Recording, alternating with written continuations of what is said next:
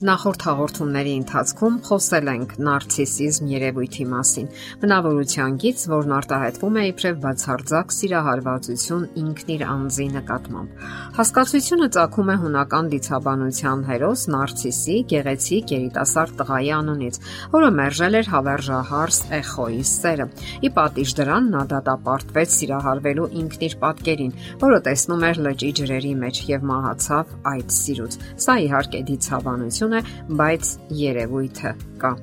Նարցիսիզմի զոհերը ոչ միայն իրենք են տարապում, այլև ցավ են պատճառում իրենց շրջապատողներին։ Ահա թե ինչու երիտասարդական հարաբերություններում հարկավոր է պաշտպանվել նման մարդկանց հետ հարաբերություններում։ Ընդ որում դա պետք է անել անշեղորեն,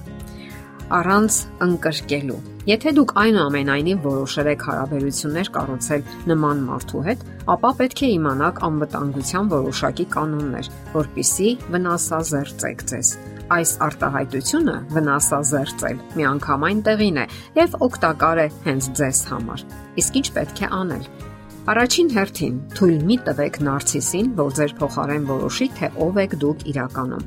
Հոգեբույժ Շերիս Թայնսը գրում է. Միայն դուք կարող եք որոշել, թե ով եք դուք իրականում։ Նարցիսիզմով տարապողները կարողանում են հիանալի կերպով ներշնչել իրենց պատկերացումները ինքներս մեր մասին։ Սովորաբար շատ բարեկիրթ եւ գրավիչ ձևով։ Իսկ դուք պետք է մերժեք ցանկացած պիտակ, որը նա կախում է ձեր վզից։ Դա կարող է վերաբերել ձեր արտակինին, անձնական որակներին, մտածողությանը եւ այլն։ Ձգտեք ավելի լավ ճանաչել ինքներդ ձեզ Նարցիսները հաճախ են սեփական արատներն ու թերությունները տեսնում ուրիշների մեջ եւ դրանք վերագրում դիմացինին։ Դա կարող է լինել ծուլություն, եսասիրություն, դրամները ճիշտ տեղաբաշխելու անընդունակություն եւ այլն։ Իսկ ահա իրենց կողքին գտնվողները ոչ հազվադեպ ընդունում են դա եւ հավատում։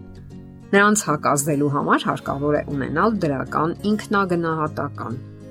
Հաջորդ պահը՝ թույլ մի տվեք, որ նարցիսները իշխանություն ունենան ձեզ վրա։ Անկախ ամեն ինչից թույլ մի տվեք, որ որևէ մարդ պատասխանատու լինի ձեր որոշումների, մտքերի եւ զգացմունքների համար։ Եթե նույնիսկ նրա վարքագիծը ձեզ վախեցնում է, պետք չէ տրվել վախին։ Փորձագետներից մեկը գրում է, որpիսի նորից դառնաք ձեր կյանքի տերը, կարևոր է մշակել ծրագիր, ինչպես հակազդել ձեր հանդեպ վերահսկողության եւ ղեկավարելու փորձերին Զգացեք ձեզ ինչպես ուժեղ եւ անկախ անznավորություն։ Հիշեք, որ նրա իշխանությունից փոկվելու միակ եղանակը կայունություն դրսևորելն է եւ չզիջելը։ Մի մտածեք, որ նա ձեր կյանքի միակ անznավորությունն է եւ դուք այլ հնարավորություն չեք ունենա։ Հաջորդ պահը։ Եթե դուք ապրում եք նարցիսիզմով տառապող մարդու հետ, այնքան էլ հեշտ չէ ազատագրվել նրա կարճուն իշխանությունից, բայց այնուամենայնիվ ձգտեք ամեն ինչում վարվել այնպես, ինչպես ավելի լավ կլինի հենց ձեզ համար, այսինքն հավատարիմ մնացեք ձեզ։ Ավելի քիչ մտածեք այն մասին, թե ինչն է լավ ձեր դիմացինի համար։ Հոգեբույժ Շերի Սթայնսը գրում է. Ամենայն հավանականությամբ ձեր հարաբերություններում մինչև այս պահը գլխավորը նրա պահանջներն ու կարիքներն են եղել, իսկ ձերը անգամ հաշվի չի առնվել։ Այդ անառողջ կարծրատիպը փոխելու համար սկսեք վարվել հակառակ ձևով։